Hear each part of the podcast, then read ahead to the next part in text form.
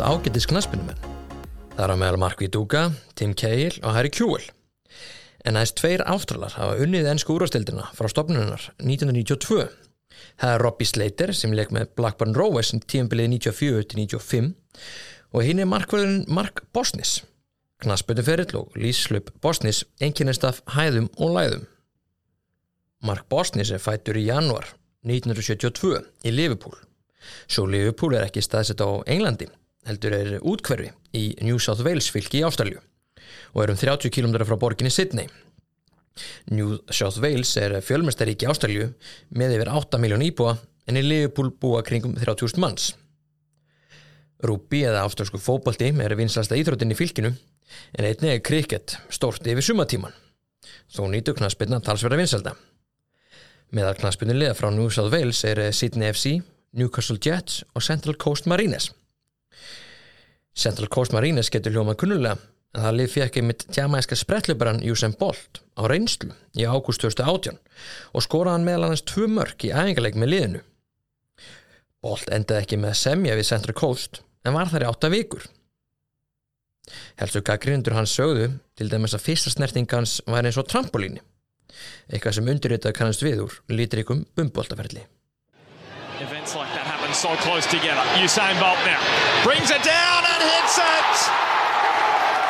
And the Jamaican juggernaut scores his first goal for a professional side and that will feel like gold. Fadir eh, Mark Bosnis kom til Ástralju 1959 frá Jugosláfi eða það sem við þekkjum í dag sem Kroatíu. Mark Bosnis byrjaði að spila rúbi en móður hans leist ekki hörkuna rúbíinu og bannaði hann um að eitthvað íhrutuna. Bosnis fór eftir þeim tilmálum og snýrið sér fókbóltanum og ég við talið við fór fór tó hefur Mark sagt að eh, hann sé þakkláttu fyrir þessi skipti. Hann segi þó að hann hefur alltaf fundist verið miklu minnulötuhópi þegar hann spilaði fókbólta þar sem flestir aðri voru í rúbi. Hann byrjaði fyrirli með að spila með Sydney Croatia sem jú að stopna ástralum sem eiga ætti sína reykja til Kroatíu. Í dag heitir liðið einfallega Sydney United. Bosnis spilaði þó ekki aðalisleik með félaginu strax en það strax tekið eftir hægleikum Bosnis en hann var meðal hans í leikmannhóp ástralska undir 17. landslins sem fór á háum 1987 en þurfti þó að sætta sig við að verma bekkin alla fjóra leiki liðsins. Árið 1987 er Bosnis á 16. aldursári og fer í fjölskyttuferðalag á æskuslóður í Júkoslavi. Á meðan fær hann bóð að fara þryggjataða reynslu til Liverpool. Nú er það knaspinnufélagið á Englandi. Þjálfurinn á þeim tíma var skóski bræðurinn Kenny Douglas. En Douglas eh, byrjaði yngri flokkaferilin sem markmaður og hefur greinlega gott auga fyrir efnilegu markmannum og fær Bosnis yfir til reynslu. Bosnis hefur sagt sjálfur að uh, hann hefði staðið sem er miklu sóma á þessum þrejum dögum og í framhaldunum vildi Douglas ólmu sem við hann. En fadir Bosnis vildi aðeins býða með hann þessi mark átti tvo mánu eftir að skólanum í Sydney og leiði sinnum að ljúka við námið. Þessi svaðil för Bosnis til Európu við í Liverpool. Og við spörust út og alla meginn hinum hann nöttin aftur til Ástralju þessi samlandi Douglas, Eddie nokkuð Thompson var að vinna fyrir ástralska knaspundusambandið og hann ringir í gamla skólabróðu sinn það var Sir Alex Ferguson. Ferguson sem er á sínu öðru tíanbili með United sem 87 til 88 tíanbili fær Bosnis yfir í tveggja vegna reynslu í mass 1988 Bosnis hefur staðið með eintum vel því að eftir þessa reynslu vildi Ferguson Olmur semja við Bosnis. En Bosnis sjálfur orðaða að Ferguson hafi einfallega læst hurðinni á skrifstofunni og sagt við hann, þú skrifur undir í okkur. Bosnis fór eftir þessum tilmælum og gekk til liðsfjöröðu döfluna sumarið 1989 Eftir að hafa verið í varlinu fyrstu mánuðina hjá United var komað á stóra prófunu þann 30. apríl 1990 Fyrsti leikur með eh, United var fyrir framland tæplega 30.000 áhörundur og Bosnis aðeins 18 ára gammal. Liði átti fjóra leiki með skömmu millibili og fekk Bosnis að standa millir stangana á móti Wimbledon á meðan aðalmarkmaður liðsins Jim Leighton var kvildur. Leikurinn endaði með markalösi jættefli sem verður nú að tellast ágættis úslitt fyrir ungan og órenda markmann. En hann hefur auðvitað vill fengið ágætti stuðning frá miðvörunum Steve Bruce og Gary Pallister. Hann endaði að spila tvo leikiti viðbútar með aðali Manchester United í þetta skiptið. Það sem Bosnis er ástrali þurfti hann landvist að leifi í Breitlandi. En út af hann náði ekki vissum leikifjölda þá fekk hann ekki leifi til að vera lengur í landinu. Eitthvað sem flestir fútbólmannir spilar að hafa brent sig á einu sinna tvísvar. Bosnis hafði meðal annars skrási í háskólanám í Manstriborg til að vera lengur á Englandi en eigin sögn láðust honum að mæti tíma og var svo námsverðil ekki langur. Fyrir tilstölan Pítur Smækkel ætlaði Ferguson að kipa landvistarleifinu í liðin með að senda Mark Bosnis til Bröndby í lán í þrjú ár og þá myndi hann fá leifi til að spila á Englandi til frambúðar. Bosnis var hins vegar mjög ákveðin að spila einungis á Englandi og kaus að fara tilbaka til heimalandsins og spila fyrir Sydney United. Eftir nokkra leiki með Sydneymönnum var þjálfari Aston Villa, Ron Atkinson, að leita ungu markverði og það hefði séð Bosnis spila með rauðu djöflunum sínum tíma. Hins vegar eins og fyrraskiptið var vandamálum með landvistarleifið. Hinn útsjónarsami Mark Bosnis deyri ekki ráða laus og giftist ennsku konu að nafni Lisa Hall. Hvort að sörna ástvartið stað er ekki, er þetta að segja, en þetta hjónaband endist stutt hjá Bosnis. Hann hefur sannarlega ekki fallið í krami á tengdamöðusinni á þessum tíma. En í viðtal við þessa fyrstu tengdamöðu Bosnis á árunum 92-94 segir hann að Bosnis sé afar hrókaföllu maður og dóttir sín hafi átt mörg mögur og erfið ára eftir skilnaðin en aftur á boltanum. Árið er 1992 og Bosnis er fluttur í næst fjölmustu borg Breitlands, Birmingham og búin að skrifundir hjá Aston Villa. Tímbil 92-93 er hann ekki með fast sæti í byrjunaliðinu hjá Aston Villa, allan til að byrja með og var að skefa fyrir englendingin Nigel Spink. Það tímbilna er Aston Villa öðru sæti í ennsku úrstildinni, tíu stígum eftir meisturum United. Næstu tímbil Bosnis uh, var hann aðalmarkmaði Villa spilaði með liðinu 7 ár eða til ásins 1999 og leik með þeim rétt rúmlega 200 leiki. Bosni segir í viðtali að það sem stendur upp úr þessum tíma er leiku gegn Tranmer Róes árið 1994 í undanúslutum deltabyggarsins. Tranmer eh, sem voru í Champions-deildinni eða B-deildinni unnu Aston Villa 3-1 í fyrri umferð undanúsluna. Setni leikurinn fór 3-1 fyrir Aston Villa og grípa þurfti til framleggingar sem var markalös og svo þurfti að grípa til vítaspindukefni. Bosnis varði eina spilnu á fyrstu fimm og þurfti að gripa til bráðabanna þar sem staðan var fjögur fjögur í vítum. Kevin Richardson klikkar á sjöttu spilnu Villa en Bosnis gerir sér lítið fyrir og ver frá Liam O'Brien. Aston Villa skorið sjöndu spilnu og þá koma bakveri trammer Jan Nolan að taka sjöndu spilnuna. Mark Bosnis ver aðra spilnuna í röð og Aston Villa komast áfram í úslitt. Bosnis með þrjár vítaspilnur af sjö ágætis framist að hjá afturalunum unga. To score this, got to score it, or Tranmere are out.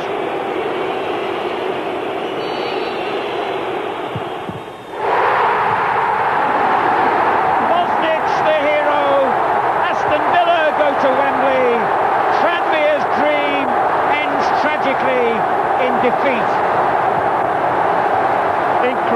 going to get people saying maybe you shouldn't be on the pitch, but let's forget that. He made some great saves in that penalty shootout. Úsleileikurinn í deildabíkonum 94 var á mótu gömlu félagum Bosnis, Manchester United, fyrir fram að tefla 80.000 áhærendur á Wembley. United höfðu verið miklu skriði undir stjórn Ferguson og flesti spáðum sigri. Rán Atkinson sá við sínum gamla samstagsfélag Alex Ferguson og vann vilja leikin 3-1 og fyrsti titill Bosnis í hús. Knarspunni ferill Ástralans fór vel á stað en með árunum fór að síga á ógjafliðina. Fyrsta stóra atvikið kringum markverðin kom 1996 þegar hann var til þessi skammar í leik með Aston Villa. Leikurinn fór fram á White Hart Lane í oktober byrjun 1996 og var á móti Tottenham. Stuðningsmenn Tottenham hefur verið að kalla Bosnis ímsum nöfnum þar sem hann var afar óvinsæll meðal stuðningsmanna eftir að hann letti samstuði við Jörgen Klinsmann, sóknamann Tottenham nokkrum árum áður. Þessi kall stuðningsmanna Tottenham til þess að Bosnis snýri sér að þeim og hilsaði mann nasista síð eins og gefur að skilja fellandi grítan jarveg sérstaklega sem er mikið að gýðingum fluttist til Norður London í upphafi 2000-aldar og hefur Tottenham sterkari tengsli gýðingdóms en önnu félag á Englandi. Bosni slaut segt upp á þúsund sterlingspund og tiltal frá enska knastbyrðisamöndinu. Hann ringdi einni inn á útastöð þar sem hann bast afsögnar á þessu hegðun.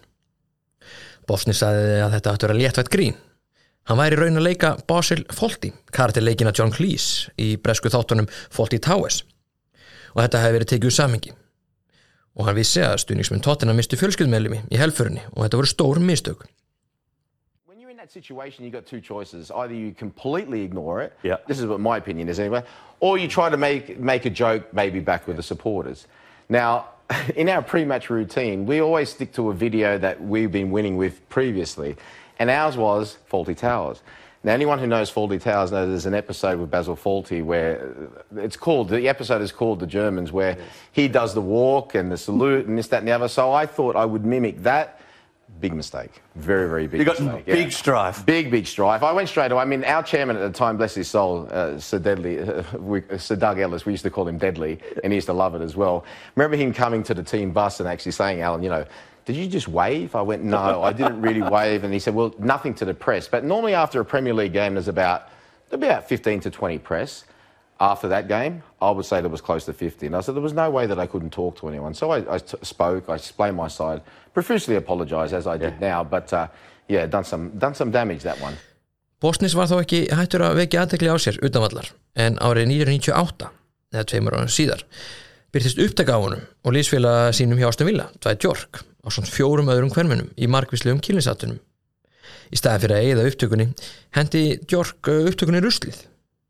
Fundvís blaðamör fann sína síðan upptökuna stuttu síðar og kom upptökunni í kastljósið.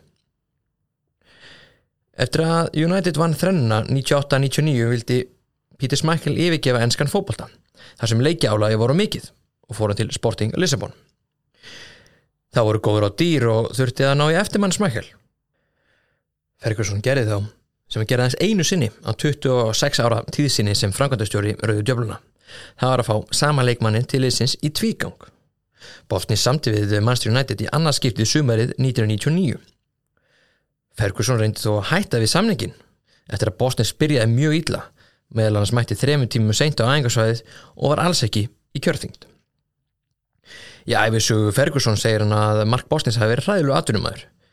Þá hafi hann verið skyndibötafíkil og þá með sérstaklega veikan blett fyrir kínusku mat. En það var ekki eina fíknin sem Bosnis stróaði með sér en það hafi komið inn á það aðeins síðar. Bosnis var ekki ánæði með þessar kveðjur í æfisugu Ferguson en sagði þó að vera ákveðin heiður að fara nefndur á nafn í æfisugunni. Á fyrsta tíðinbili Bosnis þá í annarskipti á United vann félagið ennsku dildina með átjón stígum og einni heimsmyndstarkefni félagsliða. Þetta tíðanbili var að United sannarlega með litríkt markvara þrýegi en ásand Bosnis var hollendíkurinn Raymond van de Gá og hinn efnilegi en mistæki ítali Massimo Taibi. Þó það hafi nú verið fjör innanvallar, þá var ennþá meira læti utanvallar. Nokkurum dögum eftir hann samt í United sömur 99 þá gifta sig. Þá í annarskiptið. Eins og uh, van er, eru tilvörandi brúkumar stækjaðir. Nokkrum klukkustundum áður en hann mætti kirkju var hann handtekinn fyrir utan hinn margaróma strippklub Lex 11 í Birmingham. Sagan segir hann að fekk símdal frá Dwight York sem baði Bosnis að koma að hitta sig. Bosnis fer út af Lex 11 og spyr dýravörinn hvort hann hefði séð liðsfélag sinn, York. Dýravörinn bendir honum á kepastað sem var hann í grendinni. Bosnis röldi þangað en á leiðinni ljósmyndari sem tekur myndir á honum. Ástralinn snöggreðist og tekur myndavélina af honum og brótast út slagsmál. Lörglann finnur upp á Bosnis þessa sömu nótt og yfirheyra hann í þrjá tíma og sleppur hann með skrekki með að borga tryggingu og er frjálsferða sinna um morgunin. Sama dag fer hann til Coventry og gengur í það heila. Hann þó ekki eini leikmaður United sem komið sér í vandraði þetta sumarið en það var eitthvað fyrirlinir á í Kíni sem vurst að dúsa bak við lás og slá eitt sumakvöldi mannster er þið fögnuð deildamestatillunum fyrir tíðanbilið 98-99. Eins og áður segir unnu United tvo titla 99-2000 og að Bosnis aðalmarkverður liðsins og spilaði samtast 35 leiki það tíanbíl. Tíanbíli eftir er franski markverðin Fabian Bartes keft til Manchester United. Þegar Bosnis er spurður út í samkefnuna var að meðvitaður um þetta að veri fylgið fisku þess að veri á stórum klúpi og var alls ekkert ósáttu með kaupun á Bartes. Þeir eru góðu félar og fóru þeirra ásamt York annarslega út af lífi saman. Bosnis var mikið meitur á þessum tíma Bosnis vildi meina að það hefði verið mikið út af æfingarútinu hins nýja unga markvaraþjálfara Tony Cotton sem kom inn til starfa hjá þeim rauðklædu. Meðisling gerðu það verkum að Bosnis spila ekki leik á sínu öðru tímanbili í United og var orðin þriði markmaður eftir Bartes og Van de Gá. Einni hann mist sætið sitt í ástralska landsliðinu til Mark Svarses sem var aðalmarkmaður Millisboró á þessum tíma. Átjóða mánum eftir að samið við Manchester United eða í janúar 2001 var Ferguson komið nóg á Bosnis og riftis United samningi við hann. Stuttu áður hafa hann neitað að fara lán til Celtic. Bosnis hafi þá á þessum tíma spilað 38 leiki fyrir United í öllum keppnum. Chelsea undir stjórn Claudio Ranieri voru ekki lengi að bregðast við og sömdu við Bosnis. Þrátt fyrir að Chelsea fyrir ekki að borga neitt fyrir kauða voru kaupin umdild þar sem hann fekk virkilega góðan samning og var ekki með örugt sæti í byrjunalinu þar sem Eddie Goy og Carlo Codicini voru koma sér ágætlega fyrir á brúni. Chelsea höfðu haft áhuga ástralunum síðan spilaði með Villa nokkrum árum áður og var Colin Hutchinson stjórnanform með Chelsea kampakátur að það náða ganga frá samningunum og taldi að topplið þurfa að hafa þrjá topp markmenn. Það sama tíumbil hafði Chelsea fengið eða smára frá Bolton og grænlendingin síkjóta Jesper Krönger frá Ajax líklegast fínasti moral í klefunum. Með slavandræði og lélitt form geraði verkum að Bosnis leik ekki fyrir sjömanu setna í oktober 2001 á þá í leika á móti HPL Tel Aviv Ísæl. HPL kom öllum á ofurum og sigruð það ennsku 2-0. Leikurinn var umdeldur þar sem sex leikmenn Chelsea neitu að ferast með liðun til Ísæl vegna þeirra óttust öryggisitt í landinu. Bosnis leik samt að sjö leiki með Chelsea, tvo í Európa-dildinni og fimm í ennsku-dildinni. Annars var hann hafður mest megnins utan hóps hjá Chelsea tímanbili 2001-2002. Bosnis og Ranieri náðu ekki vel saman frekar en Bosnis og Ferguson. Á haustmónum 2002 gerist það sem margi mun eftir. Bosnis fjall á lífeprófi fyrir að taka kókain. Haustið 2002 var Ken Bates, þá var hann eigandi Chelsea, að reyna að selja félagið til Róman Abrahovic og var hinn launahái Bosnis reygin úr klubnum um leið og hann fjall á prófunu. Enska knarspunninsambandið setti Bosnis í nýjum mánuða bann frá knarspunniðkun. Bosnis viðkendi setnamær að hann var háður kókaini, fíkn sem kostaði hann yfir hálfa miljón í hverju viku. Í samtali við Brest Dagblad saði hann að lífið hans væri stjórnað að kókaini og hann var oft á vökunni dögunum saman. Þó hefur hann á allt haldið fram Hann hafði aldrei tekið kók fyrir lífaprófið hjá Chelsea, heldur hafi verið lauma í glas sem hann drakkur. Meðal annars hafði John Terry, sameri hans hjá Chelsea, var að Bosnis við, hann var í vondum félagskap, stuttu áður, en Bosnis let þessa aðurun sem vindum eiruð þjóta. Eftir hann fjall á lífaprófinu áka Bosnis að eiginsögn að prófa kókain í fyrsta skiptið, þar sem allir heldur hvort sem er að hann væri að taka kók og hann hefði yngu að tapa. Eftir þetta voru ekki bjarti tímar hjá Bosnis. Það var kvöld eitt þegar hann var búin að vera vökun í þrjá eða fjórn daga hann heyrði hljóð á neðra þenni. Hann grýpur loftbussu og leipur niður og tekur mannin sem var komin í íbúana og miðar byssuna á haustum hans. Bosni sem var af djúft sokkin hefði lítla hugmynd hvað hann var að gera. Eftir smá stund átti hann sig á því að þetta veri fadir hans. Skillega var Bosnis eldri mjög skelkaður en náðu þó að róa són sinn og neita að fara þangað til að það var búið að henda út öllum fíknefnum. Bosnis var 31 árs þegar hann mátti spila knaspinu aftur. Það var orðrumur um hann myndi fara til Bolton Wanderers eða í Volsól í sétildinni eða setna meir utandildaliðisins Grace Athletic. Eftir það heyrðist minna til Bosnis en fyrir tilstulan síns gamla lisfélag Eddie Goy byrjaði Bosnis að sprikla með QPR árið 2007 eða Queen's Park Rangers. Það orðin 35 ára og hafði ekki spilað knaspinu í 5 ár. Goy var markmannstjálfari í QPR og Bosnis kom sér í ágæti stand tók að sér 15 kíló. Þegar hann spilaði síðast voru 30.000 áraður vellinu en árið 2007 stóð hann á milli stangana í ængleika móti djetildaliðinu Barnett fyrir fram að tæbla 30 manns. Samlandi Bosnis Nick Ward skora eitt markana í 2-0 sigri Kupier á móti Barnett og Ward myndist þess á fyrstu æfingu Bosnis nokkru mánum áður að þegar allir leikmum voru hlaupandi æfingu var Bosnis búin að kasta inn hanglæðinu og hann lappandi en það var hann kringum uh, yfir 100 kílum og yngu standi. Bosnis samti þó ekki við Kupier og hlut til heimalandsins eftir mörg ára á Brellasegjum. Hann gekk til liðs við Central Coast Marines í ástöðsku úrstildinni sömurinn 2008. Hann leik örf á leiki með þeim en aðalmörgmaður liðsins Danny Vukovic uh, hafði lokið leikbann, fekk Bosnis ekki fleiri mínundur með Central Coast. Vukovic hafði fengið leikbann fyrir að slá dómara í leik með Marines. Áslagslega knaspinni sambandi gaf Vukovic 6 mánuða bann frá knaspinnum og það lengsta bann sem nokkur leikmaður hefur fengið í ástöðsku úrstildinni en það var einnig til þess að hann gæti ekki kæft með áttalska undir 23 ára landsliðinu og ólipilegurum í Peking og þar alveg gæti ekki orðið vitna stórbrotnum árangri íslenska handballalansliðsins. Þegar Vukovic byrjaði að æfa og spila aftur með, að rýnast hvað er Bosnins félagið og gerir tíuleiki samning við áhuga mannafélagið Sydney Olympic sem leik þá í deildakefni í New South Wales fylki. Hann endaði með að spila átta leiki fyrir félagið og verði síðustu og litrikum ferli.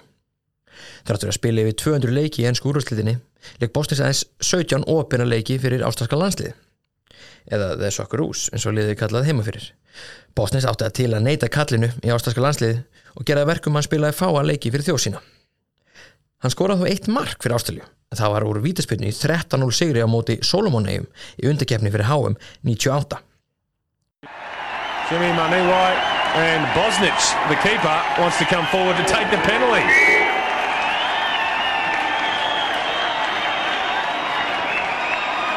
And there's a consultation between Bosnich and Aurelio Vidmar. Bosnich fancies himself here. Well, this has brought the crowd to life all of a sudden. Let's hope he scores. There'll be some recriminations if he doesn't. Mark Bosnich wants is about to score, or is he for Australia? And he does. Well, basically his first touch of the game, and he puts it in the net. A big smile for Bosnich.